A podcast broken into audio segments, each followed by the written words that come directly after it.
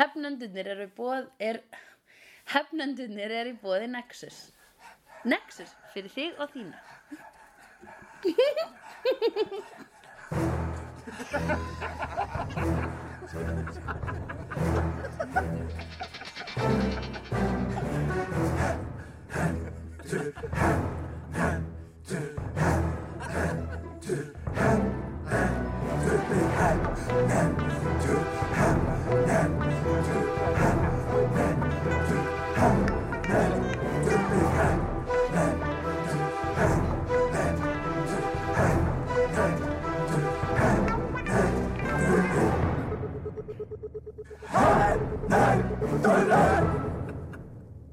Shake Sinora.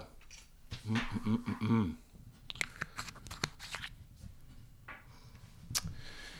Já, já, já, já. Um, hvernig byrjum við aftur þættina manna? Bara svona? Já. Þú erum með, já, intro. Intro Er þetta ekki bara freefall núna sko? Basically, ég er ekki með neitt hvað að gerast. Við erum aðeins svolítið blúsaður eftir fréttinnar Já, ég get ekki sagt að ég sé blúsaður sko. Þú átti vona á þessu. Þetta er svona eins og afi sem er búin að glíma í krabba meginn og er bara svona einhvern veginn á faraldsfæti. Eða svona er, er svona á leiðin í burtu.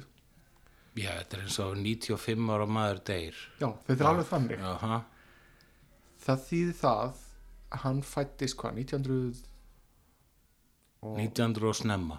1922 Það er örgulega hægt að googla það sko.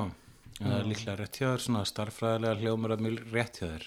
Já, en um, hann er búin að gefa af sér meira en hann er búin að taka í þessum heimi. Já, hérna erum við byrjar að taka upp. Já. Ok, þá skulum bara byrja þetta á, á dánarfregnir og njarðarfarir Dánarfregnir og njarðarfarir. Nei Já, uh, helst er þetta í dánarfregnum og njárðafurum Stan, The Man er allur. Marvel meistarinn uh, Spider meikarinn Spidermakerinn uh, Risin Jötunin í myndasögu heiðinaðinum Jú, svona stærsta nafn í, í bandarisku myndasögu heimi. Já, kafteinn hins mynd, myndskreita orðs. Uh, Já, hann, já. Kafteinn hins myndskreita orðs. Já. Já, það er mjög vel orðað. Uh, Maðurinn sem þórir. Já, um, eða Þorði. Já Þorir mm Haldið áfram. Hvað er pappakrökkan? Og Hvar er hún? Hún er hérna. Ertu með kling? Nei, ég er ekki með kling reyndar. Ég er hættur að vera með kling Þessi, Það er uh, ekkert nýtt. Þetta er svolítið svona mikið vesen sko Þegar maður er ekki með kling Má ég ekki bara setja, þú veist Eitthvað þúsundkall í, ég er með þúsundkall Má ég setja þúsundkall bara svona? Þúsundkall í pappakrökkunum Já, nefnilega held ég inni. Mm Þannig sjá. Ég ekki skal ég vef, ég fengja það Hérna Þúsundkall sem að hérna, ég, ég fann á gólfinu á kíki Já, ok. Neitt Heppin ég. Já. Jú, hann dó Það var eitthvað sem að maður regnaði nú með að fara hlýt að fara að gerast sko. Já, það virtist ekki vera við alveg hest helsu Já, en það virtist aðlega bara að vera 95 ára sko. Já, það, það, það, það, er bara það sko. Þú, þú tönglast alltaf þessu 95 ára sko. Hann hefði alveg ekki orðið 96 ára sko. Hann hefði alveg ekki orðið 96 ára. Þannig að þú veist Hann hefði ekki orðið 100 ára. Age is just a number og hann er búin að vera frekar sprækur sko. Tilturlega Það er bara síðastu, síðasta árið þar sem hann hefur eitthvað svona verið að hæja á sér Hann er og, svo, svo amma mín, hún er með svona spræk sko. Hún hleypur upp og niður tröppur og eitthvað Er hann svona eins og Johnny Cash að þú veist, eftir að konun hans deyr þá, þá svona einhvern veginn Já, það er, alltaf, það er svipað með hann og Johnny Cash. Það er ekkit óalgengt að, sko, að makar fari á stuttum millibili. Það, ég veit ekki alveg hversu stutt millibili er þarna Það er ár, Það er ár að að mestalega ár. um, Hann tilkynnti það fyrir ekki svo löngu síðan nokkru mánuður að hann hætti að svara pósti já, og svona aðdándupósti sem þýðir það að hann er búin að vera að svara aðdándupósti alla hennan tíma. Akkurat. Pældi í dedication í það að gleðja fólk. Það er mikið nenn sko, það er mikið nenn en nenn að því. Svarað þú ykkur með aðdándupósti? uh, það kemur viss, vissulega fyrir sko. Já, en uh, ég er ekki með nennið hans Stan Lee en uh, Stan Lee er samt ekkert búin að vera að vinna við beint neitt svona annað þannig séð sko, hann er ekki búin að vera að skrifa neitt upp á síð, síðust ár. Nei, en hann er búin að vera hann að pródusent á einhverju mjög svo sketchy uh, sjómanstáttum Nú, hvað þetta er það? Superhuman eitthvað dótt Já, var það sketchy? Já, og síðan gera hann stripparella sem að einhver annar held ég að hefði skrifað en var undir hans einhvern veginn. Aha, það er samt alveg 15-20 ár síðan. Ok. Uh, og síðan var hann þarna að hósta eitthvað þátt sem að snýrist um alvöru ofurhetjur. Aha. svona fólk sem að gat, þú veist brotið steina á, á, á, á Já, var að hósta eitthvað svona skrítinni raunverulega þátt. Já, Já. Þetta skiptir engu máli. Já, Þetta er ekki, ekki eitthvað sem við þurfum að einbeta okkur að eitthvað sem við sáum aldrei. Já. Og getum ekki, svona, getum ekki einu svona dæmt um hvort það var gott eða slæmt þú segir það en ég sá samt sá pínaði sko. Já, þú sást það það var ekki gott Nei, það var ekki eitthvað til að hrópa húrra fyrir það, Nei ég, en það samt viltu byrja þáttun að minnast á það það var ekki til þess að Fara, Þetta er, við erum að tala um síðustu ár mannsins. Þetta er bara, hvað, hvað er það síðasta sem að hann, uh, gerðist niður? Það er bara allir sér cameo Já, Cameo, það er rétt. Já. Mér skilst þær hafi uh, rúllað saman svona Cameo-banka, grínskrín. Þannig að hann aftur að vera draugurinn sem fylgir ég öllum Marvel skil, myndum. já, hann bara svona afgreiti þetta þannig á grínskrin það er sniðut, ég var einmitt að spá hvort hann nefnt þessu sko en hann er einmitt með nennið Ha, auðvitað. Aha. Já, það auðvitað er hann með nennið. Mm. Annars var hann ekki búin að gera það 20 og eitthvað sinnum. nákvæmlega ef ekki meira en ég þannig hann uh, heldur hann hætti eftir þetta síðasta face Hann er allavega tveimur myndunum í viðbót, hef ég heyrt. Já. Hann er í Captain Marvel og hann er í uh, Avengers 4. hvenar endar þetta face nákvæmlega er, hvað er svona loka er það síðasta Avengers myndin er það endurinn að þessari þessari stóru þessu stóra face Síðasta, hvað, Marvel? Já. Ég held að síðasta face var endurinn á síð, síðasta Avengers mynd var endurinn á síðasta face en kannski ekki. ég hefði haldið að það væri Ant-Man. nei að það væri hérna, Infinity War hérna 2 Já, ég, á, ég fylgist mjög lítið með þessum face-um. já, Eða, þú veist, ég veit ekki alveg, þú veist, ég svona get nokkuð með gíska hvað er í hvaða já en uh, ég, það, Ég held að það sé samt alveg ástæði til að fylgjast með þessu svona með tilliti til þess að þeir skipuleggja þessu sögur í kringum þetta og Já. myndir koma út og hvenar vissulega. En ég held að sé líka alveg allt í lagi að gera það ekki, sko. Já, og síðan, síðan verður reboot væntalega á einhverjum karakterum eftir þetta face Vafalaust uh, við, uh, ein, síðast þegar ég vildi uh, hérna fara út í þessa umræðu þá vildi þú að við gerðum það ekki vegna svo þú vildir ekki hugsa hvað gerðist næst það er enda satt Já. En ég er, ég er enda ekki að hugsa um hvað gerist í sögunni heldur hvort að hann fasi út með þessu face Já, hann er allavega dáinn þannig að hann er ekkert að fara að koma mikið meira. þeir eiga samt þeirra lager af, af green screen staðan líbröndurum Já, en er það ekki bara það sem eru að nota í þessar tvær myndir sem er búið að lofa að hann sé í? eða þeir hafa bara einfallega verið forsjálinir og, og, og, og sapna aðeins svona stærri bunga til þess að Ok, ok. alltaf að hafa hann hann kannski verið hann svona hologram staðan Já, mér finnst það að ég bara að leifa fólki að í friði, sko.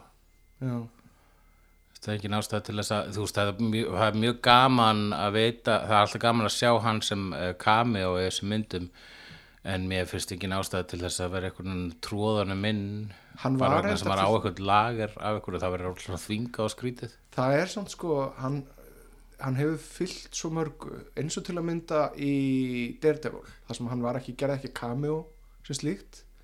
En hann var á hérna, einhverju svona bulletin board í, á löggustöðinni, þá mynda honum. Já, þannig að þið geta laumað honum inn svona sem litlu Jó, svona það, það finnst mér nú alltaf læg að setja en uh, Stan Lee svona ljó- ljósmyndir og svona byrtast hér og þar. Já.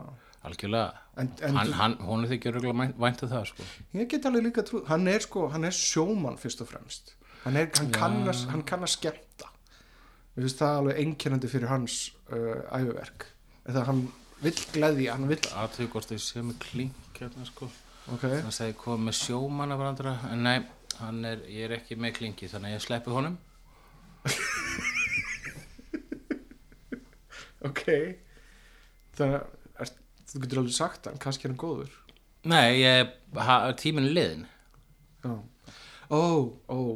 Að ég skil þig, sjófmaður. Mm já, -hmm. já, já, já, þú ert að fatta núna, já. já. Hann, hann rann ekki blind í sjófið. Uh, já, please. Ég held að þú þurfa að fara aðeins nær mikrofónun Þetta er, eh, þetta er uh, lengra en spönn ég var, ég, nei, nei ég, ég, Þetta, þetta er spönn já, hér- hérna er spenn. Já, Ok, cool, flott, fyrir ekki Frá mínum sjónarhóli sé þá verðist að vera lengra en spönnum frá mikrofónunum ok, ok, það ég sé samt alveg svona ágætis hérna, og sérðu ágetis eh, mælingar á eh, hljóðstyrkstækinu já ertu eitthvað blúsaður eða? Hvað, hvað? Nei, nei, alls ekki þú sko. veist vera eitthvað svona pínu off það vantar alltaf orku í því einhvern veginn. Ég tók langan göngutúr í dag já, Ég lappaði allavega upp í Rúf og frá Rúf niður á uh, Nexus, Glæsibæ og frá Glæsibæ niður á Granda á Dagsson skrifstofunar þannig að það er alltaf og var mjög mikið að vinna þar þannig að ég er bara kannski búin að vinna voða mikið. Já, það geti hugsast en þannig að hashtag Nú- vinning. núna þegar að hérna, Nexus er flutt í Glæsibæ þá er alltaf day hjá þér þegar við langar í myndasögur ég, Þú ert keirandi og ég hef farið tvisvar oftar en ég hef farið tvisvar og þú, ég hef ekki eins og farið tvisvar oftar en þú, ég hef farið óendanlega oftar en þú þess að ég hef farið infinity oftar heldur en þú í Nexus nýja. Ég held að Infinity virki ekki alveg þannig. Jú, tveir er infinity meira heldur en 0 Svo 0 er ekkert og tveir er eitthvað. Myndi segja að sé alveg uh, já, það, það er meiri en, meiri en Menum, hvað, hversu oftast að margfalda 0 til þess að vera tveir? Já, það er rétt. My math is uh, correct en Am I right? en ertu náttúrulega þekktur vísvegar um fyrir, fyrir starfræði efvelga Ég er ekki góður í stærfræði en ég, veit, ég kann að margfalda 0 ok, en hérna þannig að þú ert búin að vinna rosalega mikið? Já, og hérna já. Ok, þú líka? já. Já, samt, þú veist, núna um helgina fekk ég svona fyrsta svona frí einhvern veginn. Já. fríð en það er, ég ég fóð samt eiginlega bara í hina vinnuna mína. Ok. Sem er það að reyna að leysa uh, hinn og þessar hinn og þessi hérna, mission í Assassin's Creed Odyssey. Já, já, emmi, þú ert í því á fullu í forn Greiklandi Já. eru, það er frekar mannlegur heimur. Þetta er ekki neina svona, þetta er ekki fantasi þetta er, uh, jú, það er alveg fantasy element sko nú er það, eru, eru skrýmsli og, já, ó, ok. Þau eru samt sko þau eru spes, þau eru svona þau eru, þau eru hérna, rjómin eða rúsinan í pilsuendunum frekar en það að þau séu eitthvað algengt. Annars er þetta bara mjög svona normal. Mm en síðan er alveg svona fantasy element inn á milli. Já, síðan koma svona legendary creatures á einhverju tíum og getur þú farið að drepa síklópsa eða kíklópsa, hvort viltu segja síklópsa eða kíklópsa ký okay. Eða hérna metósu maður Já. getur við drepið metósu í einhverju svona. Já, maður passa sig að horfa ekki framan í hérna já, því hún er svo Tom Cruise og byrði sérstaklega um að segja ekki hort framan í sig á setti. Það er það sem hún gerir alltaf. Það er það sem að heyrir alltaf um Tom Cruise. Hann byrður að maður ekki horfa framan í sig. Sem að stákast á við aðra sögur sem er heyrir um Tom Cruise vegna þess að hann áðist að vera eðalmenni. Alltaf óslega næs við fólk og eitthvað. Ég held að konan hann sem kvarf í vísindakirkjunni mm, ég held að hún hafi hort framan í Tom Cruise mm, þegar hann var svona eh, ekki búin að assume his human form. Já, og uh, hún hafi breyst í stein og þau hafi þurft að kasta inn í eitthvað stöðuvatn eða eitthvað til að fjölna Já þú segna að finna þér svona styttu sem að lítur út úr þessu intern að horfa vitlis átt. Já. og svona þú veist með skelvingasip og svona hendurnar uppi. Svona eins og Jack í Titanic. Já, akkurat. Þegar hann er frosinn Jú, ég veit að ég var að hérna, Jón Gnar sjóni, hann tók þessa eftirhermu þetta er góðu eftir herma sko. Já, hann er flott. Hvað, ekki stoppa?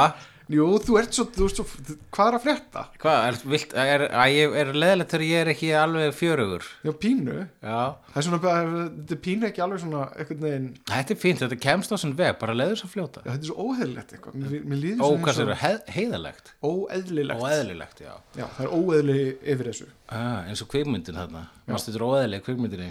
Já, eftir haug M eitthvað það ekki Ég gaf henni slæma dóma, ég held að var, uh, ég man ekki, ég held að ég var að vinna fyrir tvíhóða þá. Já, Ég ég sagði- eðumörkinni eini maðurinn sem að virkilega ljast þess að mynd heyra það Ég held ég var bara kannski svo einn að fá sem bara axli gaggrínd annars sko. reyndar, Já. reyndar Uh, það var náttúrulega óskrifur regla í uh, íslensku fjölmjölum lengi vel að það mætti ekki, sérstaklega á mokkanum mætti ekki hérna fara uh, niður fyrir þrjár stjórnur þegar kemur íslensku myndum, þannig að sama hversu mikið krapp hún var, fekk hún uh, þrjár stjórnur ég man ekki hvort að það var ennþá í gági þá, en þessi mynd var líka sko, hún var svo rosalega mikið indie og uh, já, hún var fjármögnuð bara af gaurnum sem gerðana meira að minna þannig að þú veist hún far alltaf prigg í minn klatta fyrir það en uh, hún fjallaði um gífulega ósympatíska aðila að bara frá öllum hliðum Já. allir aðilar í þeirri mynd voru ósympatískir og svo, aðili. svo þetta skildi vera hrauna yfir mynd sem engin mann eftir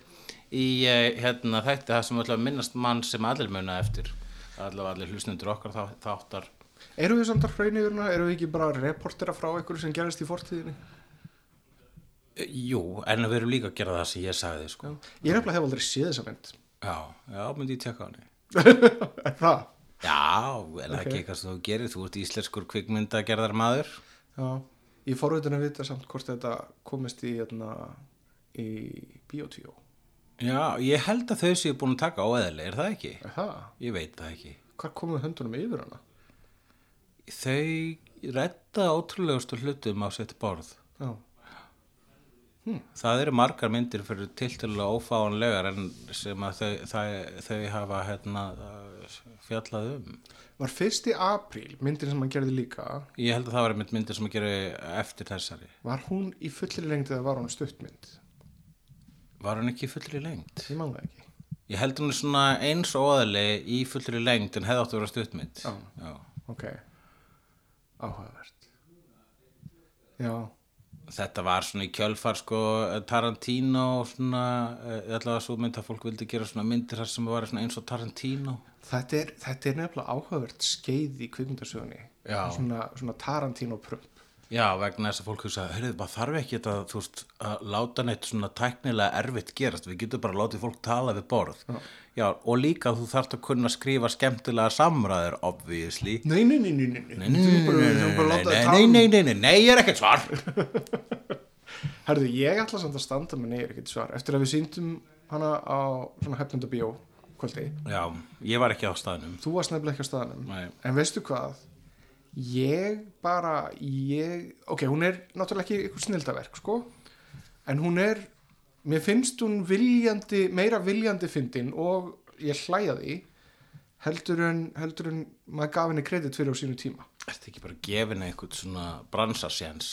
ekki bransast, nei, nei, nei guðminn, nei Nei. Að bransin, bransin, bransin er almennt á mótið þessari mynd í, í bara, Já, ok. og það er alltaf talað að um þú hana munt sem ekki- já, ok. svona huge mistake sko. Þannig að þetta er ekki, ég, var, ég er umverulega að ganga móti bransanum. Hversu mikið prósendi íslenskra kvikmynda myndur þú segja að hafa verið huge mistake? Pú, huge huge fluti sko en það, þetta er samt sko 30%? 50? 98? ég held að þessi rosalega stór hluti sem hefði getið verið betri í execution og þar á meðal eru veist myndir sem ég hef tekið þátt í ekki? uh, það er samt alltaf brjála þrekverki að búa til fucking bíómynd Ég veit það, en hversu lengi getur það verið afsökunin? það er engin, þú veist En þú veist, það er ekkert, er ekkert hversu lengi það kom alltaf nýjar og nýjar kynslur nýjar leikstjórar og nýjar metna, menn með metnaði af konur Já. þannig að þú veist, þetta er alltaf, alltaf almennt, almennt skárra núna heldur en var. Já. Já. það er vegna þess að það sem hefur gerst á undan gerir fólk tilbúnar til þess að gera betri vegna þess að uh, fólk uh, í fortíðinni byrja að gera góða hluti og það er að leiðandi hækka það, hvað segir maður, þröskuldin, the bar. Já. og Ég þá, var, þá voru þeir sem að eftir komu uh, komu með nýtt template yfir hvernig þetta gera góða gott listaverk. Og þannig má segja í rauninni Stan Lee hafi þjónað uh, hinnum ofurhýttu yðnaðinum í bandarækjunum þegar hann kom með þessar breysku ofurhýttur á uh, fyrri hluta sexunar á síðustu öld þá uh, hafi hann breytt þessum geira til hins betra það, hann færði í rauninni eh, þ- þessa, já, bara yðnaðin af því sem var þá kallað the silver age yfir á the golden age, er það ekki rétt hjá mig skilið? E, jú, jú. Jú, var Nei, gó- gó- var var ekki Golden ekki- Age og undan Silver? Nei, go- það er brons, silfur og golden Golden, brons var sko í kringum held ég hérna, þegar óreitunar voru bara hérna, í kringum stríðsárin svo mm. duttaður úr tísku eftir setni heimstyrjöld og svo var það DSC sem er kickstartaði silfur uh, age-inu Mhm. með því að vera aðeins meira með meira ímyndunarafl í sínum ofurheitursögum en en breytti ekki eh, þessi tvífi sem hafi verið hvað var það þessar personur, hún breyttist ekki mikið. Það var eh, Stan Lee sem að gerði Já, þetta er, er, karakterina að uh, þengjandi verum eða minnskusti breyskum verum sem að uh, hið breyska mannkinn gat tengt við. Já, þetta er, þetta er reyndar ekki rétt hjá þér. Nú, Uh, æ, djöfullin Golden Age er sem sagt frá 1938 til 1956 og það er þegar að það seldist langmest af myndasögum. Mm. og Silver Age og þá er, þá, er hann þá með brons uh, frá 1956 En hann er með be- hann nei, nei, nei, nei, nei, frá 1956 til 1970 byrjar það Silver Age og þar er Stan Lee einna megin ah, og hvað er Bronze Age Movers and Shakers. Bronze Age byrjar 1970 til 1985 þannig að það byrjaði Dark Age. Og síðan eftir það kemur The Modern Age frá 1985 daginn í Dark. Age var, uh, já ok, það er samt sumir vilja uh, subkategoræsa sko það sem að gerist í, með Image já, sem The Dark Age. Já, þá ekki endilega verið að gera út að þeirra uh, dót hafi verið slæmt heldur alveg hafi verið bara drullu dark. En það- hlutinu byrjun á að vera dark í mid-80s byrjaði samt ekki bara með breskubilginni þegar að þú veist Neil Gaiman og Alan Moore og allir þessi tappar fara að mæta Uh, eins og ég sagði rétt áður en sagði það það byrjaði, uh, dark, uh, myrkrið byrjaði dark, í mid-80s já, ég veit en þú sem vorst að tengja það sem gerast í Image Comics ég var að hugsa um hvort það veri Já, nei, ég var að segja það sem þú varst að segja nema þú, hérna, að það er ekki. Ok, sorry. Ég var kannski býðið til því að segja þetta. Þegar ég var að segja að myrkrið hafa byrjað í um, miðjan nýjönda áratug síðustu aldar þá var ég að meina með, með eh, Frank Miller og, og, og Neil Gaiman og, og Alan Moore og, og fleiri góðum. Ég held samt að Frank Miller hafi verið að fylgja svolítið í fótsporun á Alan Moore og Swamp Thing og því allu og ég, ég held að, að eh, Dark Knight Returns hafi komið 86 já, og uh, ég held að hann hefði svo sem alveg gert það. Hann var þar á undan búin að gera Daredevil. mjög dark, Daredevil þannig að ég Daredevil. held að hann hefði bara fylgjað sín einspor sko. Já. En já, en um, fæðing, mér finnst nefnilega sko, ok, fæðingar... mér finnst þetta að breyta þessu sko. mér finnst þetta bronze ég finnst að endur kategoræs þetta ég finnst þetta hérna, að Golden Age byrjaði með uh, 1900 1960 og eitthvað Mm. Við getum kallað það Silver Age Kannski er þetta vegna þess að þið töluðu alltaf um þetta þegar að þeir seldu þetta í bílförmum. Já, mér finnst alltaf Bronze Age að það hefur verið fyrst og Golden Age uh, eftir Silver Age vegna þess að Golden er stæ- stærri, er verðmættari peningur og það er flottara stöf. Já, Þú myndir ekkert lesa það sem var á Golden Age fram yfir það sem er á Bronze Age. þetta er samt alveg réttri, þetta er Golden Age, Silver Age, Bronze Age og síðan Modern Age. Þannig að þetta, Já, er, þetta er í réttri röð, þetta er bara öfurur. En verðluna peningalega, Já. þá er Golden best og Bronze vest. Já, Bronze er úreltur málmur. já, Já, ætti það ekki að vera fyrsti, fyrsta ekki tímabilið þeir eru fara eftir sölutölum held ég meira eldur Ég en- legg til að við hefnundur endur kategoræsum þetta blessa dæmi ok, ok, ég er tilbúin í þetta hvað viltu kalla elsta tímabili þegar, að- þegar, að- Bronze Age en viljum við kalla eftir þessu eða viljum við búa til okkur eigin svona flokkunarkerfi? Ef þú kemur með betri málma eða, eða eitthvað svona lýsingar yfir þessar aldir. Já, við getum náttúrulega flokkað þetta eftir hérna, svona brúðkaupi. Brúðkaup svona Mhm. Já, ok, ég hef líst vel á það uh, hva, þá er það bara nákvæmlega eftir sömu árum þannig að ég veit ekki alveg hvort að það gangi upp. Já, ég hef ekki þá erum við konið í eitthvað svona safír eða eitthvað svona núna. Já, já akkur, við axlu fundum eitthvað sem við verið verri í heldur en málmar sem Já. er brúðkaup. Já, brúð, brúðkaup.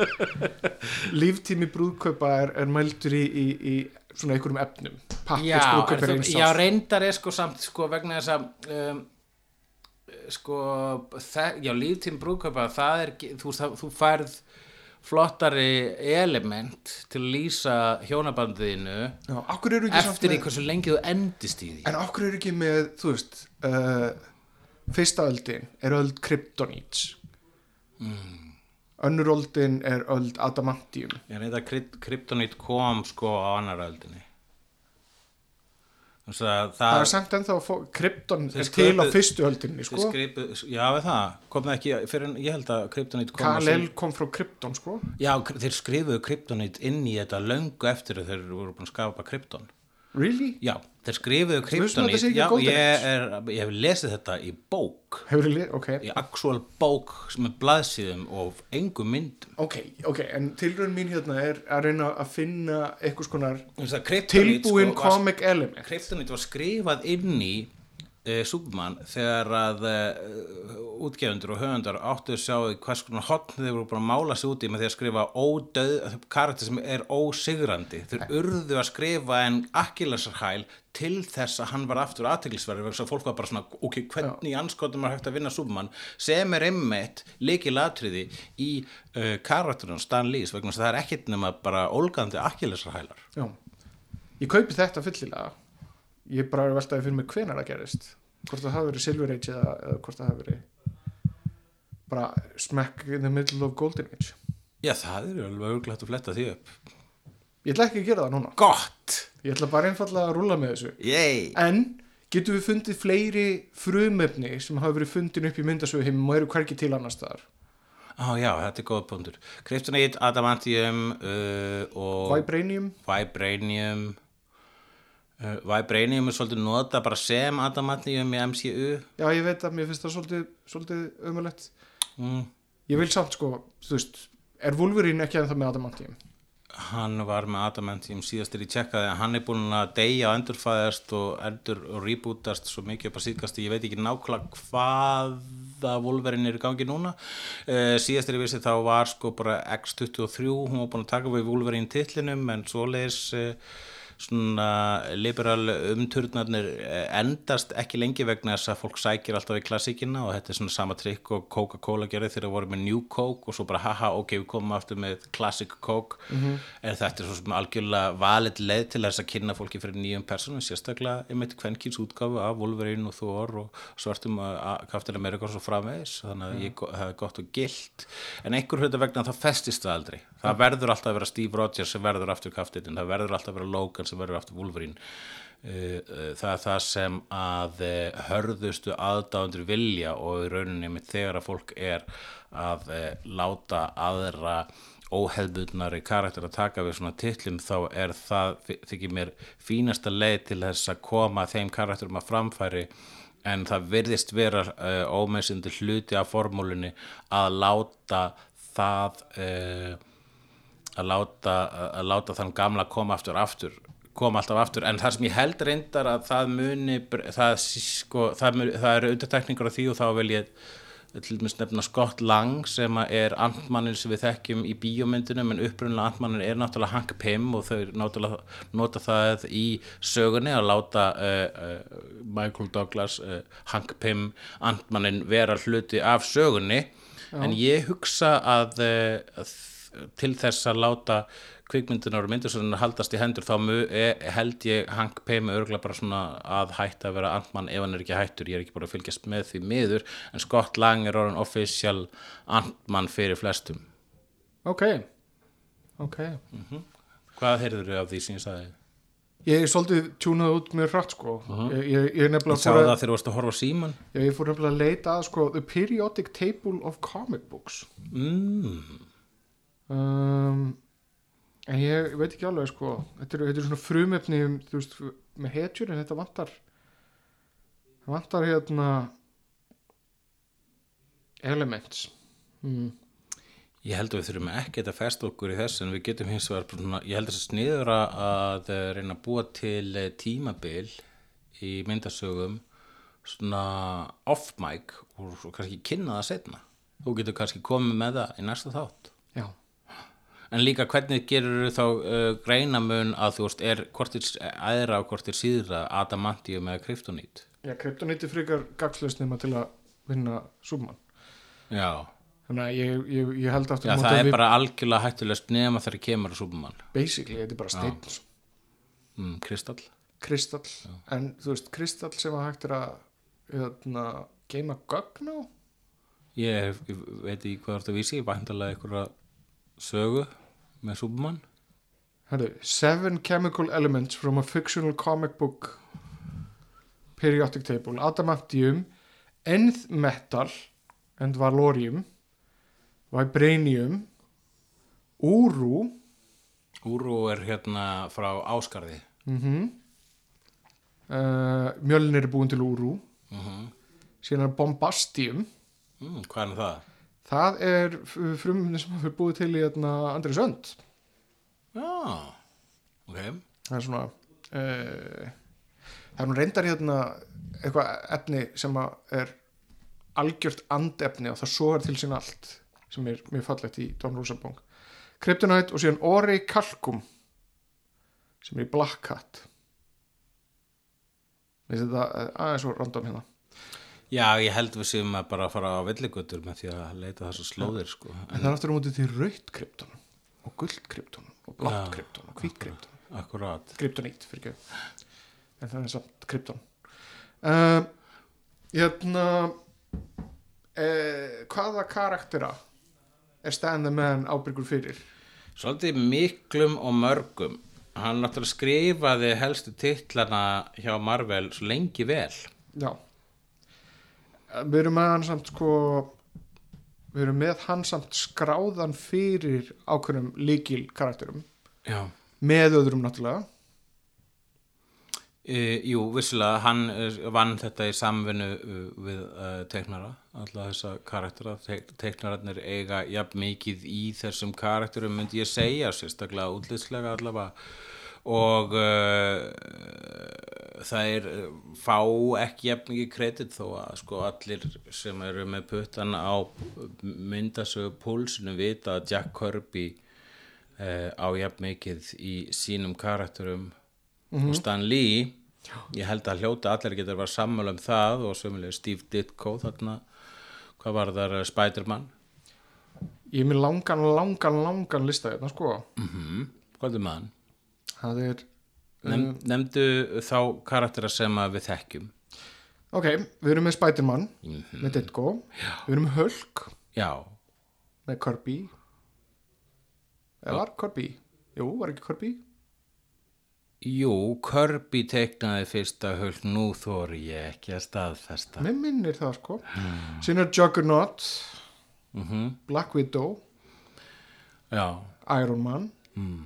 Wanda Maximoff Mm. Doctor Strange Galactus Groot Mary Jane Watson, Black Panther Loki, Clint Barton Punisher, Silver Surfer Otto Octavius Gwen Stacy Akkur stendur Kingpin Clint Barton en ekki Hawkeye? Að bara hérna á þessum lista. Já, ok.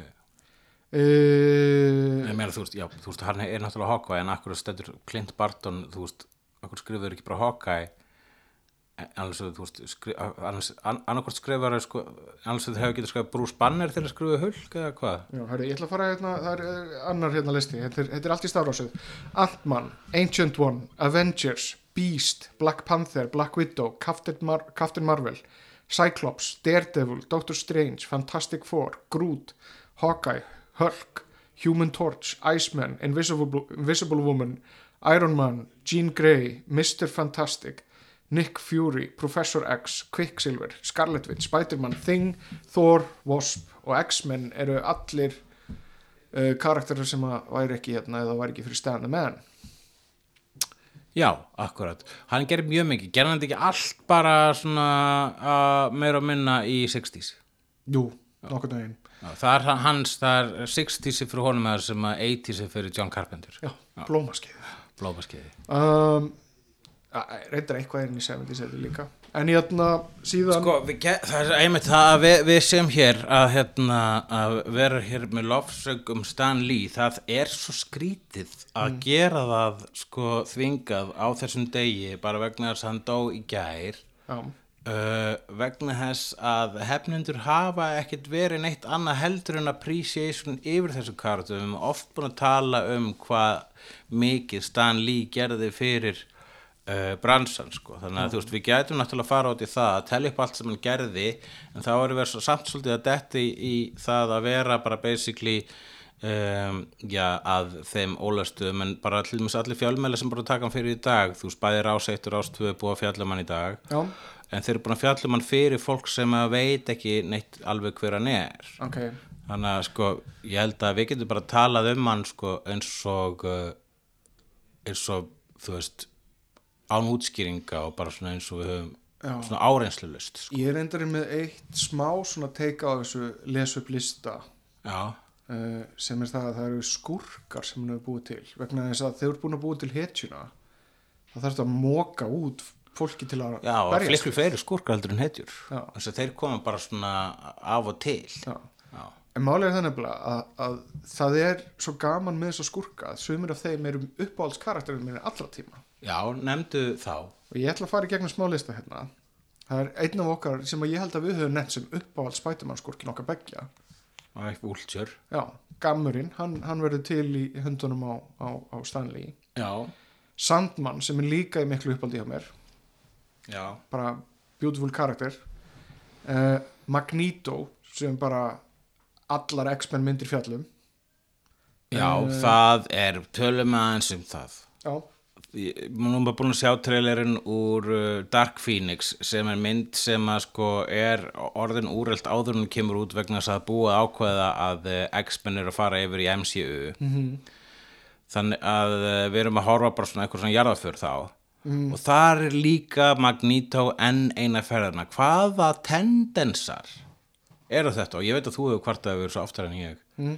Að hafa Magneto í hverju einustu fucking X-Men mynd vegna þess að hann er svo góður skurkur og þeir réðu svo góða leikar í hann er fýtt skúrkur en hann er ekki allar myndir góður ég er skúrkur 100% sammálaður ég 100% ég ég, ég er að reyna að svara spurningunum sem þú komst með Já. ekki að réttlæta það ég er Nei. bara að reyna að útskýra ekki útskýra heldur komið sennilegasta svarið sem þetta eftir í hug til þess að svara þessari spurningu sem þú laður á borð sem er Ég skil, ég skil þann hugsanagang ég held að ég fungir í nákvæmlega eins eða þú spyrir mér svona hypothetiskar spurningar. En okkur er, okkur er til dæmis hérna, alltaf uh, hérna uh, okkur er alltaf Wolverine í öllum X-Men-myndum Hann var ekki í uh, Days of Future Past en, uh, Nei, ég meina, auðvitað, hann var náttúrulega aðal þar, einhver hlutu vegna. En hann var ekki í hérna uh, First Class nema í, í Second Abroad það er rétt hjá þér. Xavier, okkur er Xavier í öllum og Xavier make a sense, hann er er fóringin í X-Men. Já, ég, ok. Þetta, er, þetta, þetta var alveg fáranleg til að, að, að eitthvað skonar gaggrinni á móti. Þetta er engin, er engin afsökun fyrir því okkur Magneto er í öllu, þetta er bara orðið þreytt. Please, please, finnið annan skurk reyna að finna nýjan skurk eins og þarna Apocalypse og þarna síðan fokkaðar því Já, djöð fokkar upp Apocalypse. Svo Jason Isaacs held ég að sé eitt stærsta og, og ég, við getum náttúrulega ekki top 10 listu yfir svona miskast í ofriði myndum en hann er þarna á þeim lista. Af hverju fengju þannan gaur til að leik, leika Apocalypse? Why, oh why? Hann, hann er bara eitthvað svona lítill gaur hann er frábær leikari en hann er ekki Apocalypse. Nei, þeir hefðu nú alveg maður hefði alveg samþykkt það með Apocalypse að þeir hefðu farið í CGI á hann sko. Já, þeir, já, akkurat jú, en þau bara hafa- getur látið rock leikan, sko. Já. kannski á Rock ekki að vel líklega ekki hann er upptekið við að bjarga átta öðrum fransæsum. Og hann er líka búin að líka The Scorpion King sem svona egypskan eitthvað.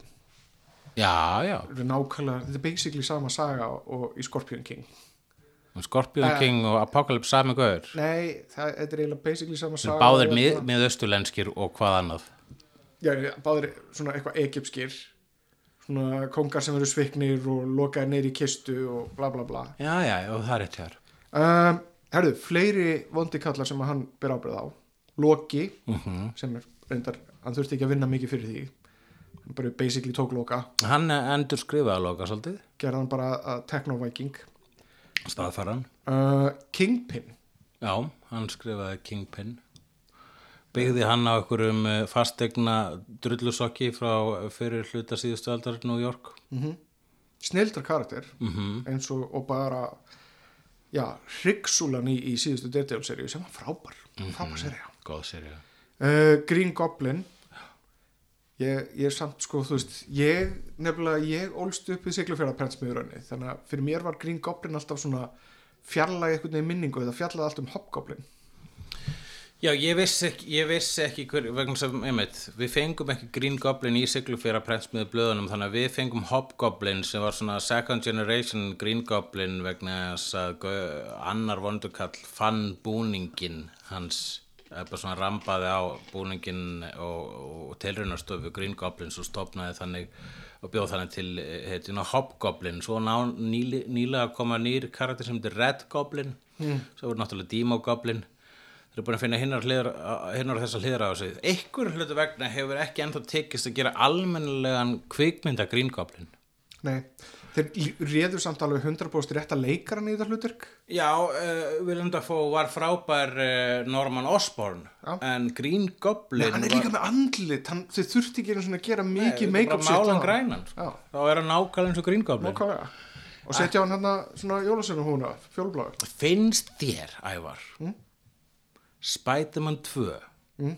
vera ofmetin mynd nei, ekki nei ég var að horfa á hana aftur og veistu hvað, ég gerði mig grein fyrir meðan ég var að horfa á hana að vandamálu við Spiderman 3 var það að hann var að reyna of mikið að endurgera Spiderman 2 Já, og líka hann var með Já, vondakalla og ég fór allt í hún að fyrirgefa í kjálfarið hérna, senunni þar sem að hérna, hann dansar og þú veist, er með The Black Suit. Besta senan í Spiderman 3 vegna þess að hún er beint callback í uh, Spiderman 2 þegar hann droppar búningnum og fyrir svona, hérna, svona syngjandi með fuglunum Já, vera svona Senu. hresskaður þegar hann bara færi að vera Peter Parker aftur. Það kemur svona musicable number sem er bara raunverulega teiknumind sko. Jú, hún, ég, ég er ekki alveg auðvitað á bervegs það er langt síðan ég sé Spiderman 2 en einhverju hluta vegna þá hef ég ekkert mikið sótt í að sjá hann aftur og því oftar sem ég heyri fólk segja að Spiderman 2 sé en besta ofriðtu mynd allar tíma þá er ég alltaf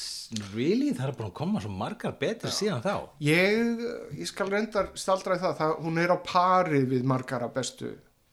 bestu ofrættjumyndunum en að hún standi þarna einhvern veginn enn ein og óskoruð ég er ekki saman á því, hún er ennþá solid sko, Já, solid bíómynd.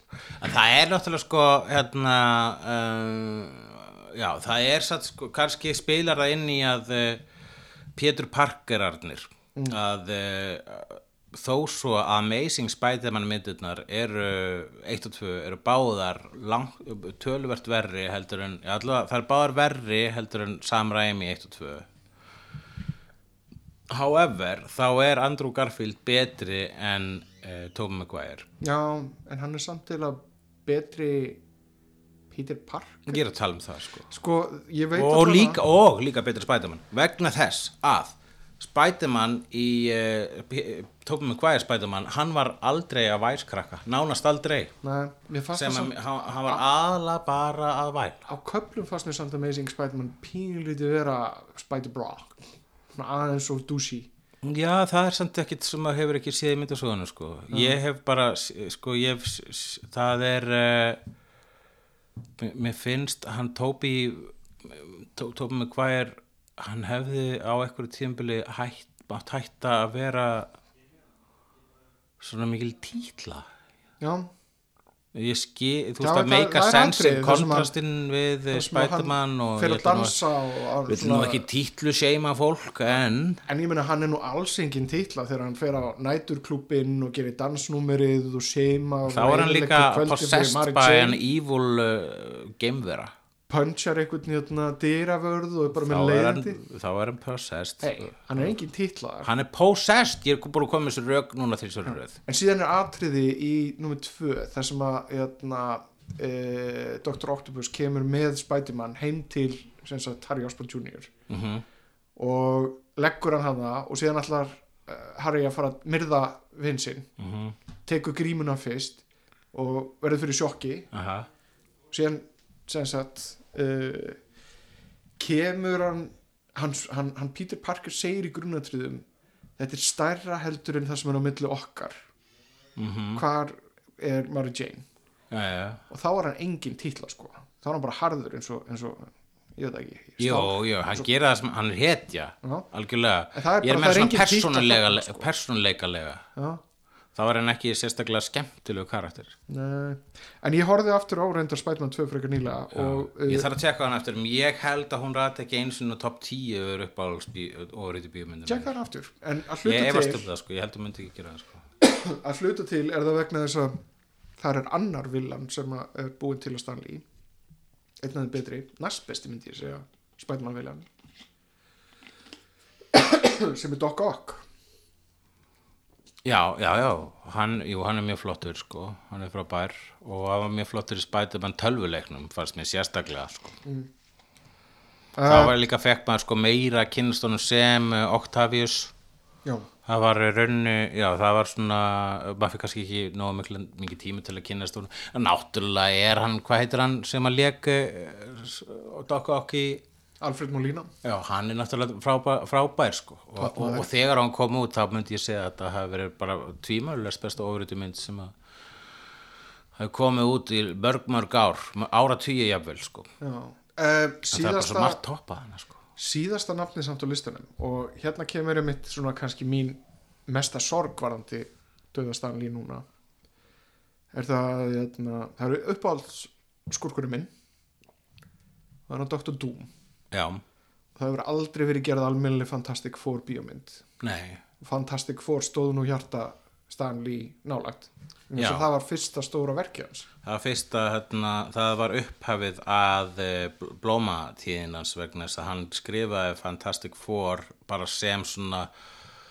ok, ég skal gera eitt í viðbót og svo hætti ég. Og þá ákvaði hann að fara sína eða reyndar eftir ráðum konu sinnar Joan Lee að, uh, Leibovitz fyrir ég uh, að gera myndasögur svo hann vill skrifa hana sem að hann og gerði og það var Fantastic Four sem að er uh, upphafið af þessari breysku bylgju sem að hann startaði og það verður að tala um sko hér er hinn brotna fjölskylda.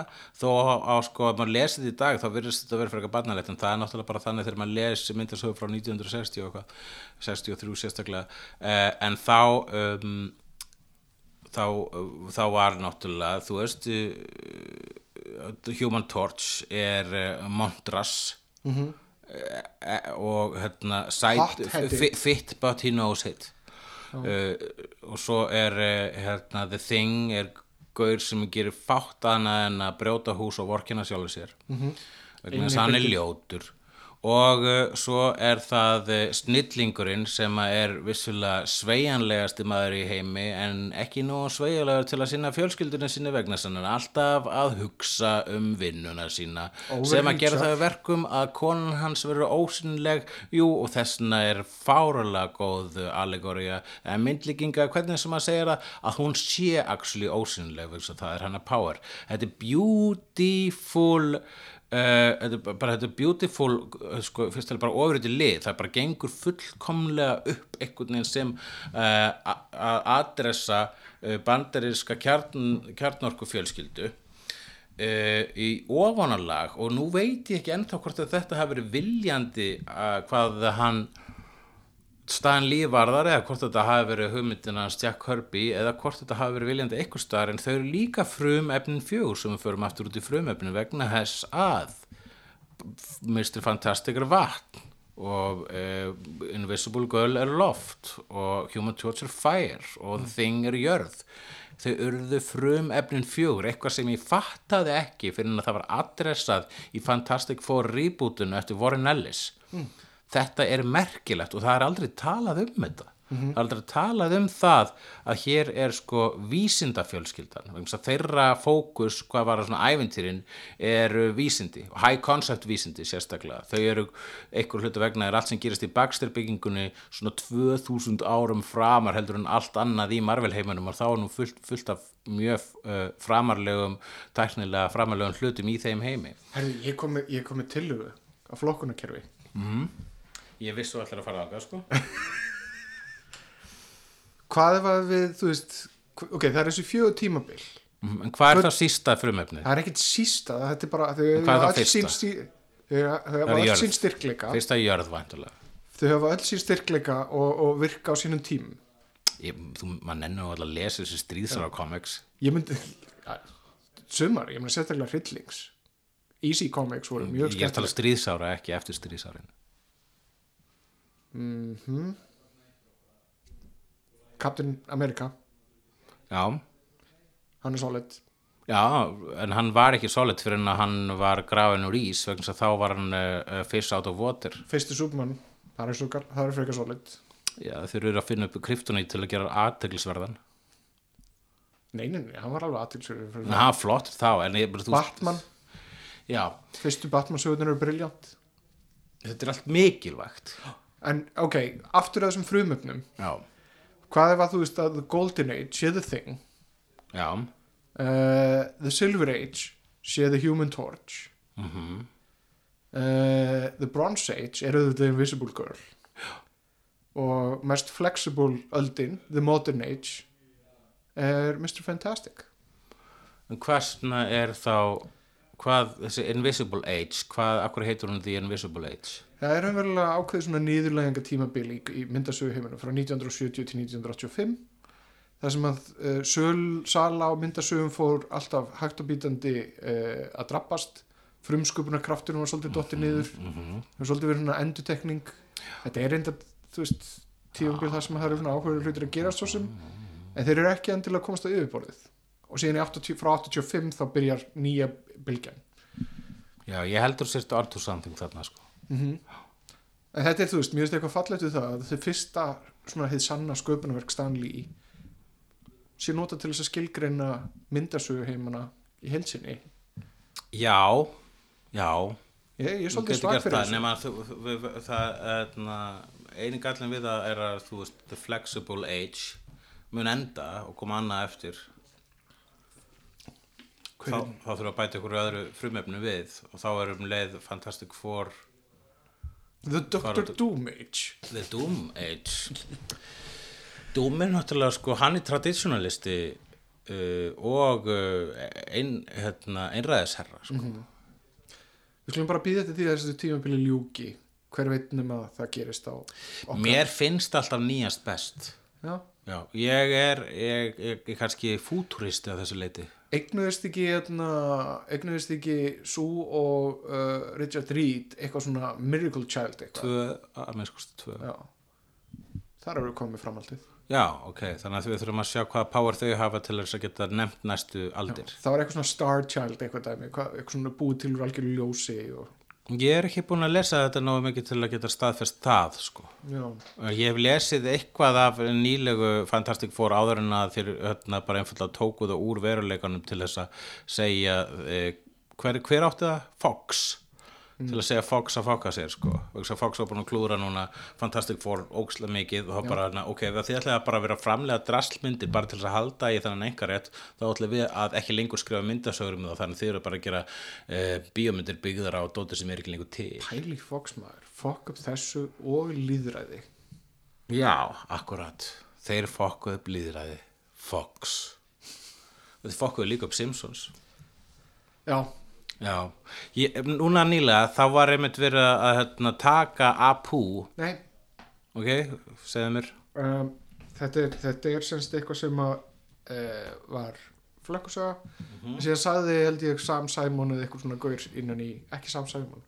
Það var eitthvað gaur þarna innan í sem að sagði að, jötna, að þetta væri ekki alveg rétt Þannig að flökkusan var svo að eh, þeir ætlaði að fjarlæga Apu úr Simpson heiminum vegna þess að hann var orðin problematic hvað var rasisma. en málega er það það sem við höfum þarna eru tvær konflikting flökkusugur þannig að ég ákvaða til dæmis ekki að spjallum þetta í síðasta þætti uh, Hvað er að gerast. flökkusagan? Það er, er bara tvær flökkusagur nákvæmlega saman hlut einn segir hann fyrir út, einn segir nei hann fyrir ekki út það er ekkert staðfest, það er ekkert svona konkrétt fyrir en að það er búið að gerast Já, ok. ok. ég var endur að Ég held að sko, uh, og, það kemur svo sem jóvart að ég segi það, en bara ef þeir ætla að taka hann út og ef þeir ætla ekki að taka út, hvort leysir þann vanda að Simpsons er ógíslega leðilegt og búið að vera það í 20 ár allavega og af hverju er þetta ennþá til? Og svarið Peningar. er... Já, takk. talandir endur um South Park uh, ég voru að horfa á nýjasta þáttinu South Park Yeah. Hvar, er, er ekki bara komin heil seri á South Park sem ég er ekki búin að sjá?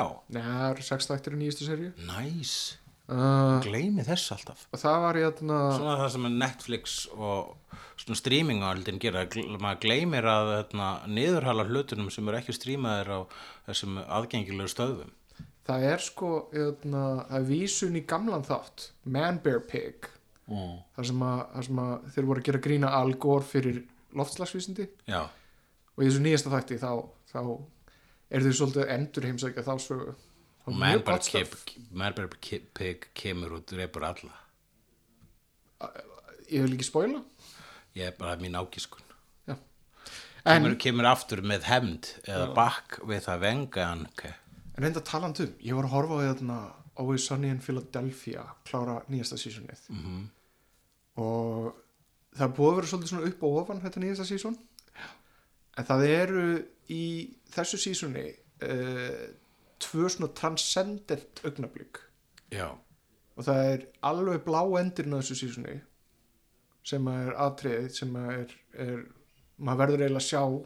Já má allir ekki bara að horfa allt uh, Always Sunny fyrst. Já, okkur gerir það ekki? Þess að það er ekki að streymisveitu já, sem ég hef aðgangað. Það er rétt hjá þér samt svo ógislega gott. Ég er viss um það, það segja það allir sem hafa séð það. já, þetta er hérna ég fór að ég er búin að vera að hugsa um samt PC-kultur þú, þú byrti grein á Facebook. Já. ja, nei fyrir ekki svona vídeo á Facebook. Þess að þú vorst að tala um það svart og hvitt dæmið væri orðið þreytt Ég er bara um leiður á nús. að því að þegar að fólk er hnegslað á einhverju sem er ránt að það er hnegslað og svo aggressívan hátt að þeir sem að hafa ránt fyrir sér get ekki annað gert heldur en að fara í vörn og það hjálpar umræðina ekki neitt hátt. Þetta er 100% rétt fyrir uh, ég, Þetta samt kom ofan í þar sem ég voru að horfa á hérna Óisanni sem að gengur út á það að gera það sem er átt Mhm.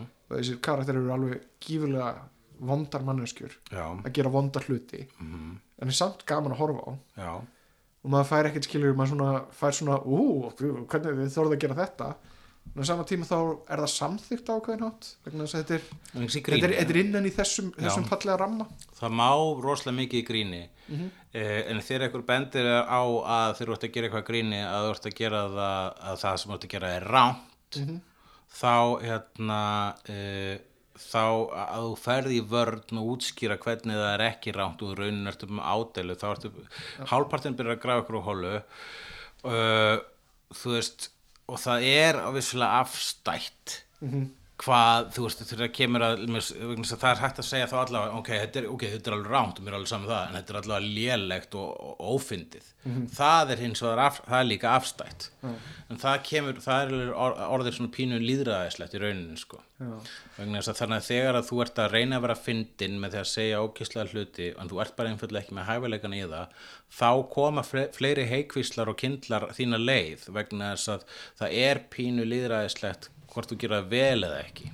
En í, þess vegna er sko, þess vegna er South Park og Always Sunny að það gera þessu hluti vegna þess að þau eru góður í því. Á South Park er samt svona, þeir, þeir eru einhvern veginn að verða, þeir hafa alltaf verið svolítið svona, svona devil's advocate. Já, að meðan á Sonny er bara einfallega að hafa gaman af því að vera ill, illvirkjar að Já. vera bara, þú veist, evil en fyndin en síðan fór ég að hugsa um vegna þess að ég horfði líka á Adams Family.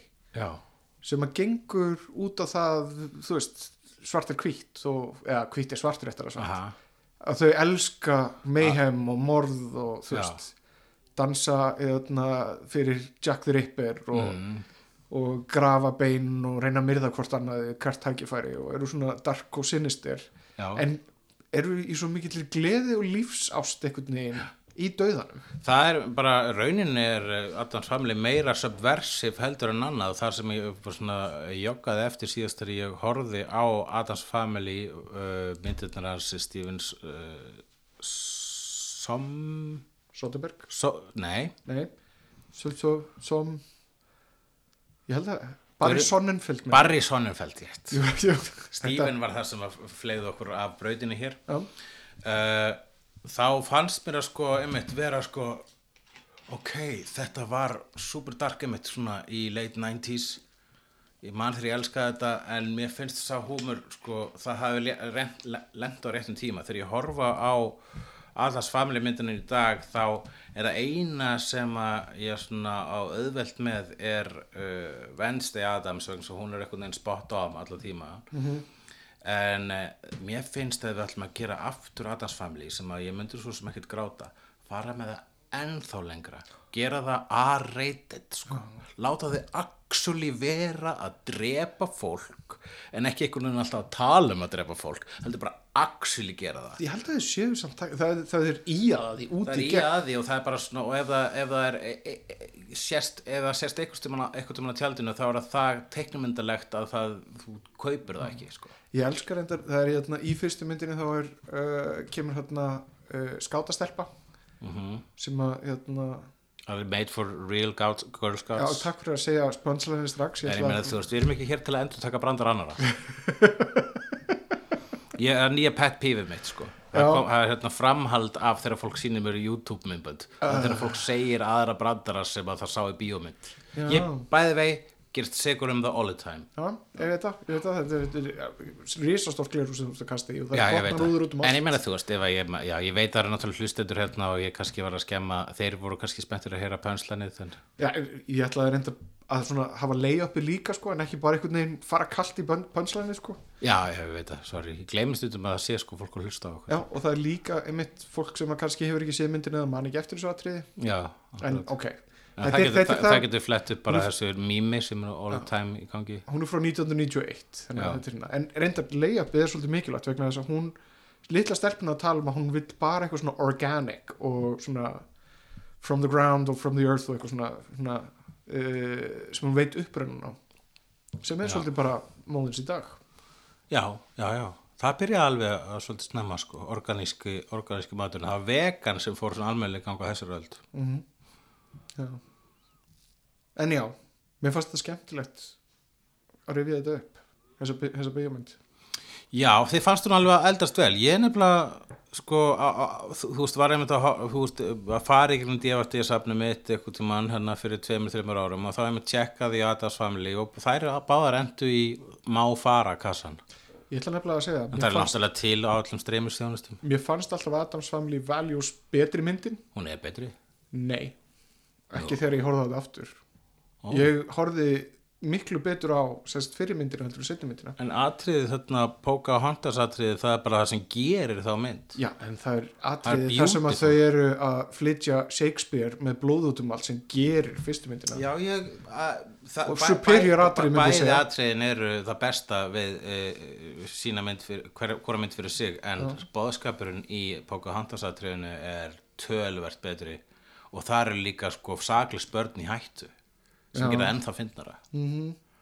punktur Það er bara fólk blotnar á gerfiblóði þarna í, í hinu atriðinu. En eitt reyndar með hérna, uh, skátastelpuna hún er leikin af sömu stelpu og leikur í, hérna, leikur í hérna, indjánatriðinu sem að er Harmony Þannig að skottastelpan og Harmony var líka í Indiana atriðinu, var sama, sama leikunum. Ok, já, Harmony. Já, Harmony.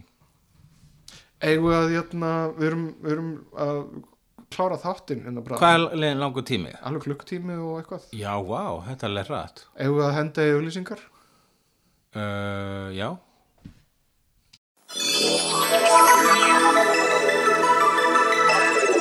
Auglýsingar Ok, í Nexus er komin í Glæsibæ og er glæsilegur en nokkru sinni fyrr? Já, ég uh, sá okkar sem hefur farið í það búð, uh, ég, getur vottað, vottað um það. Ég hef heyrt að glæsi, glæsil Nexus gl- Að gl- Glæsi Nexus, sé, sé Glexus, stærsta búð mögulega Galactus er bæðið vegi, ég myndi segja Galactus er nú ein best, beitt besta sköpunarverk Stanleys það er satt. Það var reyndar ykkur eitt, eitt annað dæmi hérna. Á um, netinu, jafnvel. Þekkið þú Caecilius Nei, en Whiplash Whiplash uh, úr Iron Man. já þetta, Whiplash um, en hérna já gerði hann Silver Surfer Er það ekki?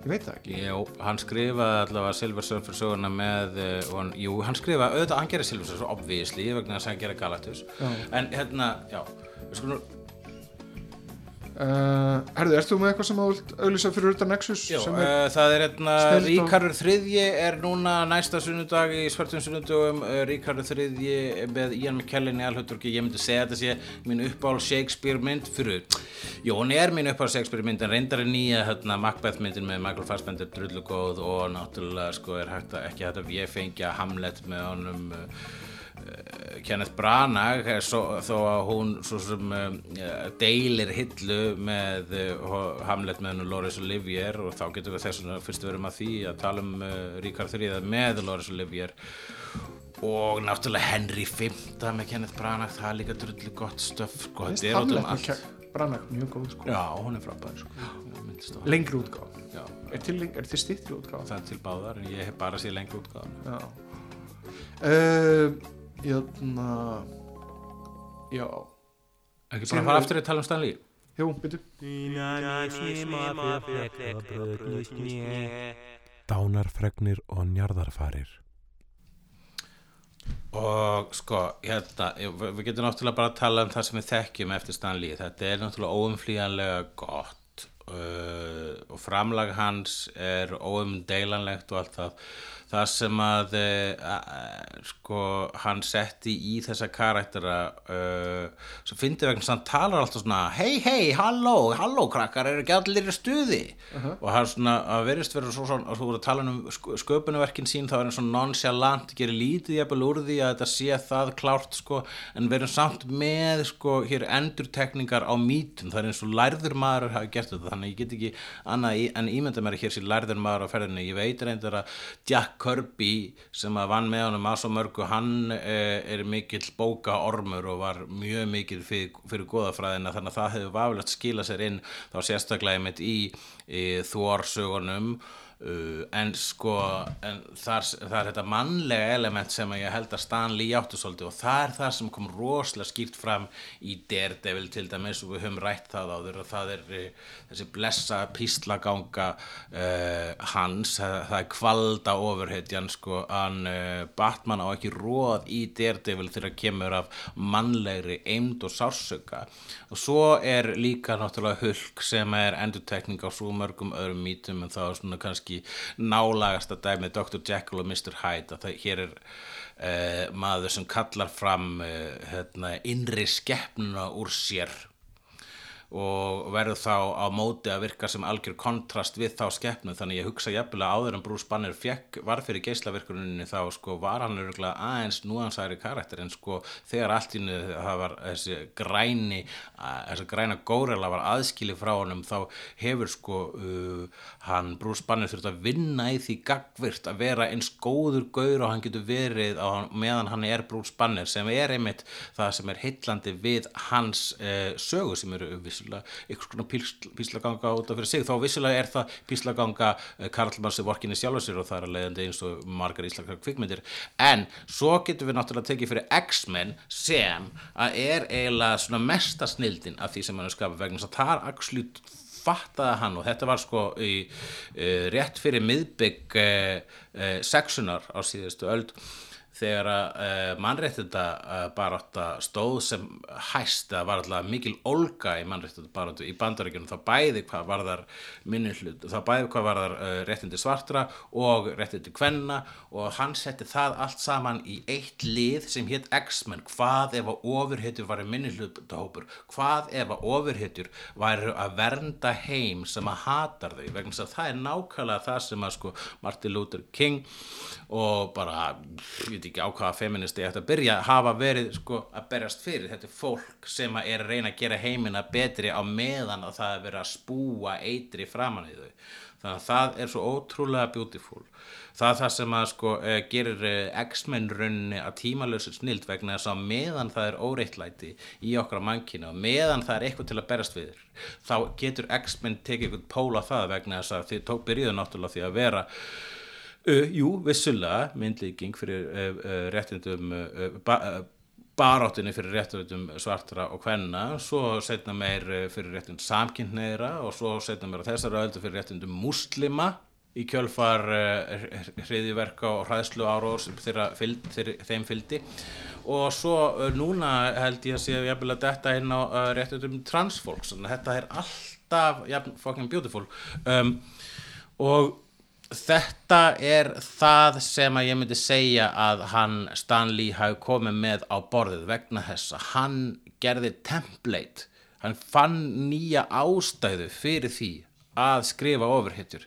Og þessi kjölfarið þá hafa komið hinn ára þessar ofurhetjur sem að eru skrifaðar og skapaðar á öðrum uh, aðelum sem að hefðu ekkit hugsað í þáttina hefðu ekki verið allist upp með Spider-Man, X-Men, Daredevil og Hulk. Og Antman og Ant-Man, jú, náttúrulega sko.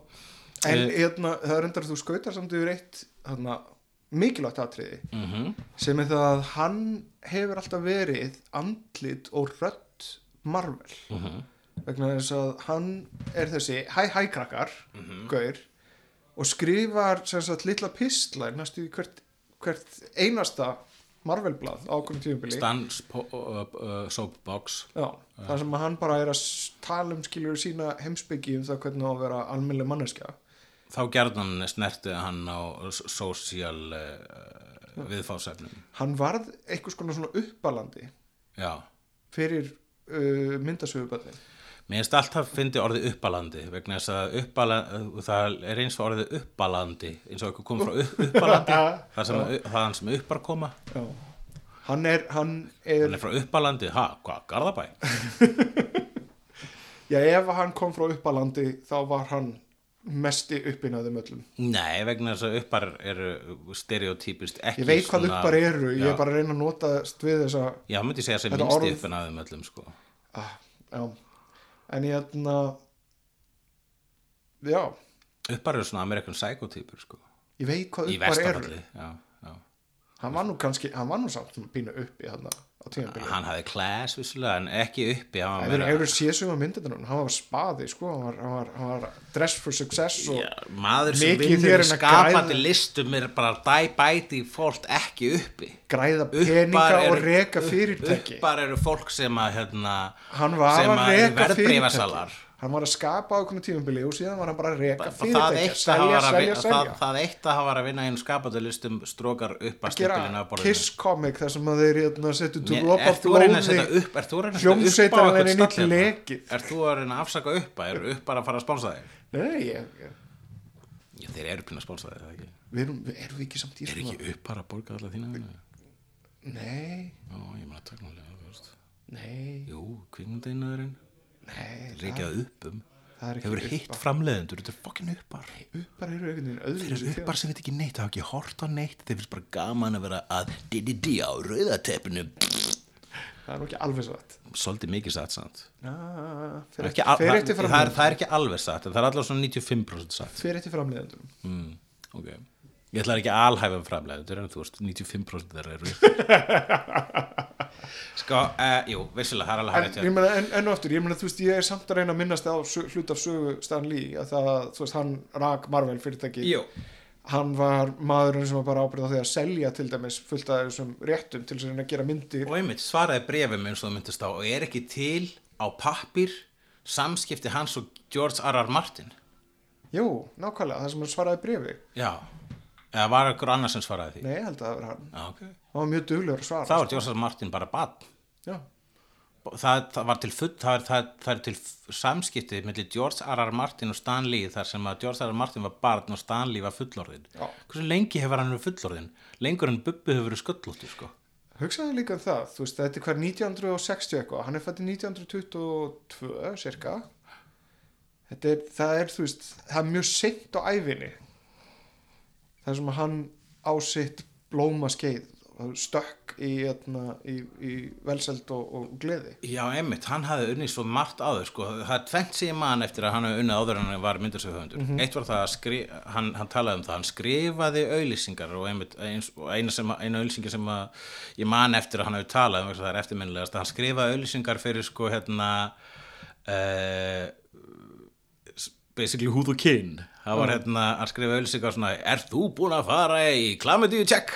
Þannig auðlýsingar og hann skrifaði endurminningagreinar fyrir fólk sem var á lífi. Hann var að vinna fyrir dablað og uh, egna þess að sko fólk getur dáið hvernig sem er eins og við vitum. Eins og við höfum lært síðasta sólarringin þá, uh, þá er einmitt hérna þá er uh, á lager hjá flestum fjölumölum til uh, minningagreinar um fullt af fólki sem er á lífi. Ertu hlusta það sem ég er að segja vegna svo út að horfa á símaði núna? Já, ég er hlusta. Og hérna og þannig að ég var að horfa á konunabræðan viðtal við hann þar sem að hann var að segja bara ég var hérna ég vann við þetta og þá, þú veist að þú ert búin að meika það ef það er eitthvað staðar minningagrein um þig til á meðan þú ert á lífi. Ég vona að setja minningagrein um mig þegar ég er á lífi. Viti menn, var dáin í tvær mínútur internetið tróðið af greinum sem greinlega búin að skrifa fyrir sko ári síðan. Það var æðislegt sko og einmitt bara þegar þú hringdir í mig og sagði ertu búin að heyra fréttinnar ég bara svo, ó nei, hver nöðgaði núna og þá og þá, uh, þá, varst, þá var það, það að hafa hann í dáin og það var svo sem ekki reyðarslag vegna sem að bjóst uh, svo sem við því verandi það gamall og maður var líka búin að búa sig andlega undir það svo ég sé ekki gera lítið út úr döða þessa mikilmennis. En hérna, en það var eitthvað, svo, mér fannst það eitthvað svona beautiful karma að hann Stan Lee hafi fengið ósk sína uppfylda að það eru sko ekki ein heldur örgulega nálgast hundraðið af minningagreinum á honum núna á netinu sem voru skrifaði fyrir löngu og enginn er svona fljótur að skrifa. Mm en mig langar til fyrst að við erum komin svona langt í þetta spjall og er það eitthvað fleira sem þú vilt bæta við? Ég er með spurningu. Ég, ætlaði bara að minnast aftur á það að hann var, uh, ég voru að fletta upp það er 1961 þar sem að Fantastic Four 1 kemur út. Já, og þá var hann 39 ára Já. og hann er fættið 28. desember þannig að hann hefði orðið 96 ára Heyra það krakkar, hann byrjaði að meika það þegar hann var 39 ára Já, Það er von, á- það von fyrir ykkur 37 Nei, 7 en ég meina, something það er enda, mér finnst þetta, þetta, þetta er svo þægilegur hlutur að vita, þú veist, að geta tekið aðeins pressun af. Fram til 39 ára, það, ef þú ert búin að meika það þá, þá getur þú farið að bara skjóta þig, sko. Já, algjörlega, það er bara Þá er þetta búið. og sannari orð hafi ekki verið mæld í þessum þætti en ég spyr þig 39, já, Ég spyr þig, fram til Ævar. 39. er, hvað myndir þú segja að þú hefði lært af honum Stanley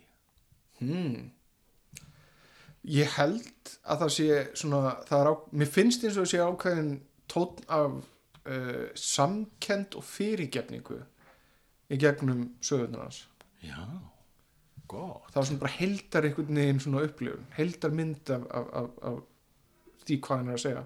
En því síðan líka er þetta bara felst í það sem hann hefur sagt í sínum soapboxi Já, einmitt það er sko, það er einmitt rauður þráður ekki um spætamann, spætamann er alltaf að reyna að gefa vonduköllunum sjens, bara ertu viss um að það er þetta sem þú viljið gera Otto? Já, að sjálfsögðu er ég viss að það er alltaf það sem kuppurinn á mænunum minni segir. og Fantastic Four er alltaf að lendir íruldu sína milli en læra fyrir ekki á hvort öðru fyrir bresti sína Eða kannski eru bara að bæla neður reyðina sín eins og allar venjulega fjölskyldu gera. eða þing bara fyrir ekki á sjálfur sér Já, hann er ekkit reyður út í sjálfur, hann er reyður út í The Hulk örlögin. fyrir ekki, The Hulk Já, já, hann er virkulega, já, hann er samt hægt að fyrirgjara sjálfur sér þegar þú ert búin að sko bara valda, ég veit ekki hversu miklu skada í property damage. en hann þarf að læra að lifa með því samt Jú, vissulega, það er, eh, það er þessi kvöl að læra að lifa með sjálfur sér og það er hans þekktasta bóðorð mm. Stanley segir að með miklu valdi fylgir mikil ábyrð og náttúrulega. ef við skoðum líka skurkana út í gegnum allar þessar sögur þá eru þeir ekki alveg jafn svona blatantly vondir eins og í mörgum Superman Já. Eða Batman sögum heldur eru þeir með núans. Þeir hafa motivasjónir þeir hafa, þú veist, eins og, eins og The Vulture, eins og Gammurinn. Mhm. uh, hann maður finnur til með því að hann hafi verið svona rakin úr eigin fyrirtæki og verið snillingurinn sem skapaði allt saman og gerði allt ógæslega gott. Já, en síðan var bara notaður fyrir ekki neitt. Emitt, emitt. Uh, Jú, hann, hann er maður sem var uh, wrongfully uh, rekin. Já.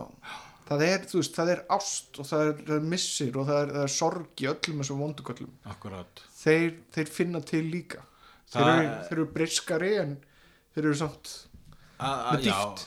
jú, vissulega allir hans svona, þeir, þeir, þeir, vondukallar hans sem hafa lifað þeir uh, öðna, eru einmitt með þetta sko, Spiderman er mjög gott dæmi um þetta vegna að sko Spiderman uh, lifir eftir þessu þessari lífsbeki að með valdinu kemur mikil ábyrð og allir eitthvað að fýblast og misnóta það þá mun það koma niður á þér og skemma lífið þitt. Þannig að hann er alla tíman að reyna að vera góður. Þetta er bara svona mun að vera góður eins og flest trúabröð uh, ganga út á uh, og allir þessir vondukallanir allavega þeir sem að sko eru svona klassískatir þetta eru líka vísindamenn eins og spætumann sem að uh, lendu líka í slisi margi hverjir uh, eða bara svona lendu í ykkur slæmu tráma og þeir lærðu ekki af því eina sem lærðu af því var að hefna sín og þar að leiðandi bara uh, uh, byggu þeir um sitt rúm í, á, á Rikers eða The Raft sem er aðeins og nálægt New York finnst mér í nýja uh, Spiderman-leiknum. Það er bara þarna út er bara, þú veist,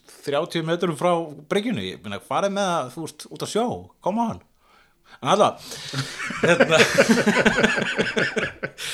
um, mér finnst ég hafa lært af Stan Lee það er eitthvað sem ég var svona rann upp fyrir mér í dag þegar ég, ég var spurður að einmitt þessari spurningu í uh, lestinni menningaþætti Rásar 1 mm.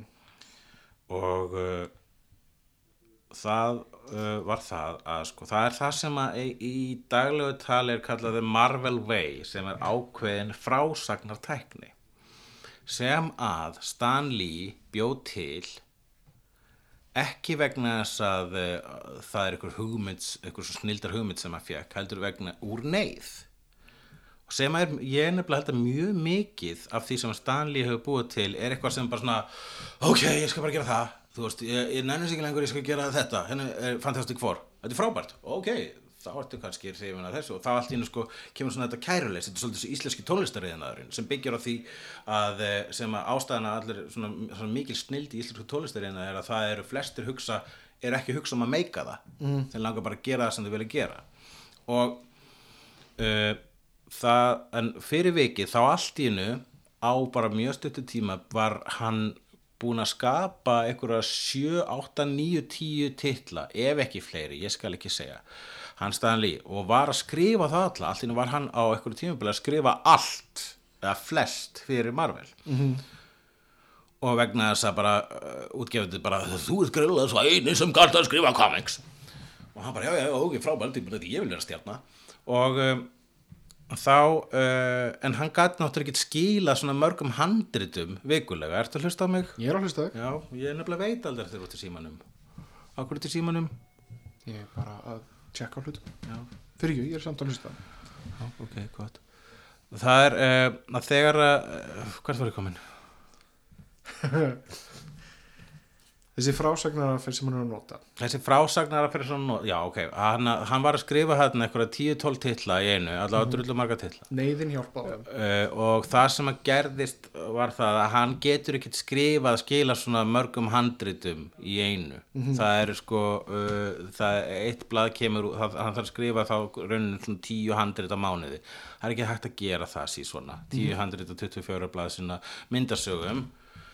Þannig að það sem hann byrjaði að gera var það að skrifa bara svona outline lauslegan söguþráð og skilaði því til Jack Kirby og hinna teiknarana. -hmm. og Jack Kirby og hinna teiknararnir tókuð þarna bara lauslega söguþráð ok, þetta er meira og minna það sem gerist í þessari sögu. Mm. og þeir, þeir settu þá hérna, frásögn, lauslegu frásögn í ramma. Í ram, uh, ramma og síður á 24 blaðsíðum og fóru síðan með þær síður til Stanley og hann sagði ok, já þú sér þetta svona og hann fyllt í það með talmáli og uh, frásagnarmáli með letri eða þú veist, með, með orðum. og þetta gerði, þetta varð síðan setna uh, hugsa sem The Marvel Way sem er ekkert endilega mikið notuði lengur þeir nota hana sem að uh, sem að nenna því og vilja það en þetta er rosalega gó- góð hugmyndafræði. Ég nota ekki Marvel Way en sko ég hef hugsað um þetta síðan ég heyrði um þetta fyrir langa langa langu síðan sem er þetta, ok, það er nákvæmlega svona sem þú átt að vinna með öðrum listamönnum. Þú átt að gefa þeim þú átt að, átt að starfa með öðru fólki átt að gefa þeim eins mikið ráðrúm og þú getur og fara tilbaka eins mikið og getur vegna þess að þú ætlar að búa til snild þá er ótrúlega sniðut að sjá hvað aðrir gera við þá snild þess að annars ertu bara annars mun það bara grotna uh, hjá þér. Annars ertu að fara að láta egoið skrifa þetta. Þess að þú allt, allt, annars ertu allt í hennu að byrja að vera sannfærður um að þú ert svo eini sem þú getur gert þetta. Og það er það sem var frábæra við Stan Lee. Hann vissi að hann var ekki svo eini sem gætt gert þetta. Hann vissi að vissulega var hann hæfileikaríkur en hann vissi líka að hann var heppin og hann vissi að aðri listamenn áttu þessa áttu uh, jafn mikið skilið að öðlast sama lán og fjall í hendurnar úr honum. Þannig að það er það sem að skapa í rauninni Marvel heimin og allt sem að hefur verið undir áhrifum frá Marvel heiminu það er þetta listræna frelsi og það að geta unni saman og leifa öðrum að fykta í þínu stöfi það er fátt mikilvægara þegar kemur að uh, entertainment myndi ég segja sko og síðan eru líka með eitthvað smá í samvættu við að arðræna hérna, Jack Kirby en um, það er Marvel ekki það, það er Marvel Way. Já, en það er þú veist fucking útgefutinu allir, allir var svert, ég var endað á svona rosalega fallegu blómi og þú ætlar að minna okkur óréttlætið nei, ég, ég ætla bara að minna okkur á að hann var breyskur eins og við öll. Já, ok. Það var efni sagnan hans og mér finnst það ætti að vera alveg hlut af því hver hann er. Maður endar sem aldrei minningagreinar á því að segja bæði vegi hafa líka stundum svolítið fíbl já, mér finnst það samt finnst það samt þú, byr, þú bæði við byrjaðir sko þannig að þáttu að þessu og vilt enda þannig á þessu sko. Nei, ég byrjaði ekkert að það er þetta svona shit sandwich þar sem brauðið er shit en áleggið er snill Nei, en ég meina, mér finnst þetta í alveg talað bara margtækur punktur enda á. Sérstaklega þar sem þetta var kjarnin í því sem hann gerði. Mm Mhm. -hmm. Kjarnin í þeim sögum sem hann saði. Er það Ég, við erum Stanley var bara að gera það sem Stanley vildi gera Stanley var líka miklu meiri hann var bara sko. mistækur eins og við það. Nei, Og það var er ekkert hans, það var ekkert honum að kenna að útgefundur fokkuði teiknarunum Já, hann var nú reyndar uh, editor þarna, main editor hjá Marvel og Köpum.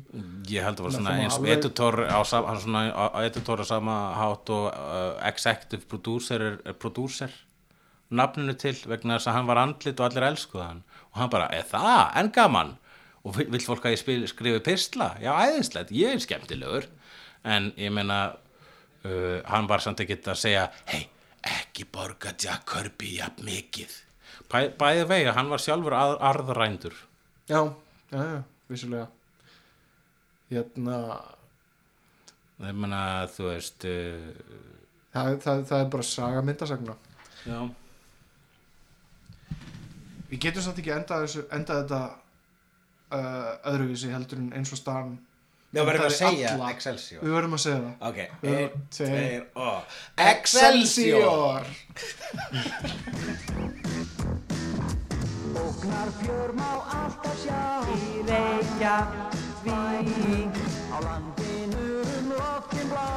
Líka á sænum Hættur og háski Látur Hefnendur í Reykjavík Hefnendur í æfintýrum endast Hefnendur Það getur maður sem getur.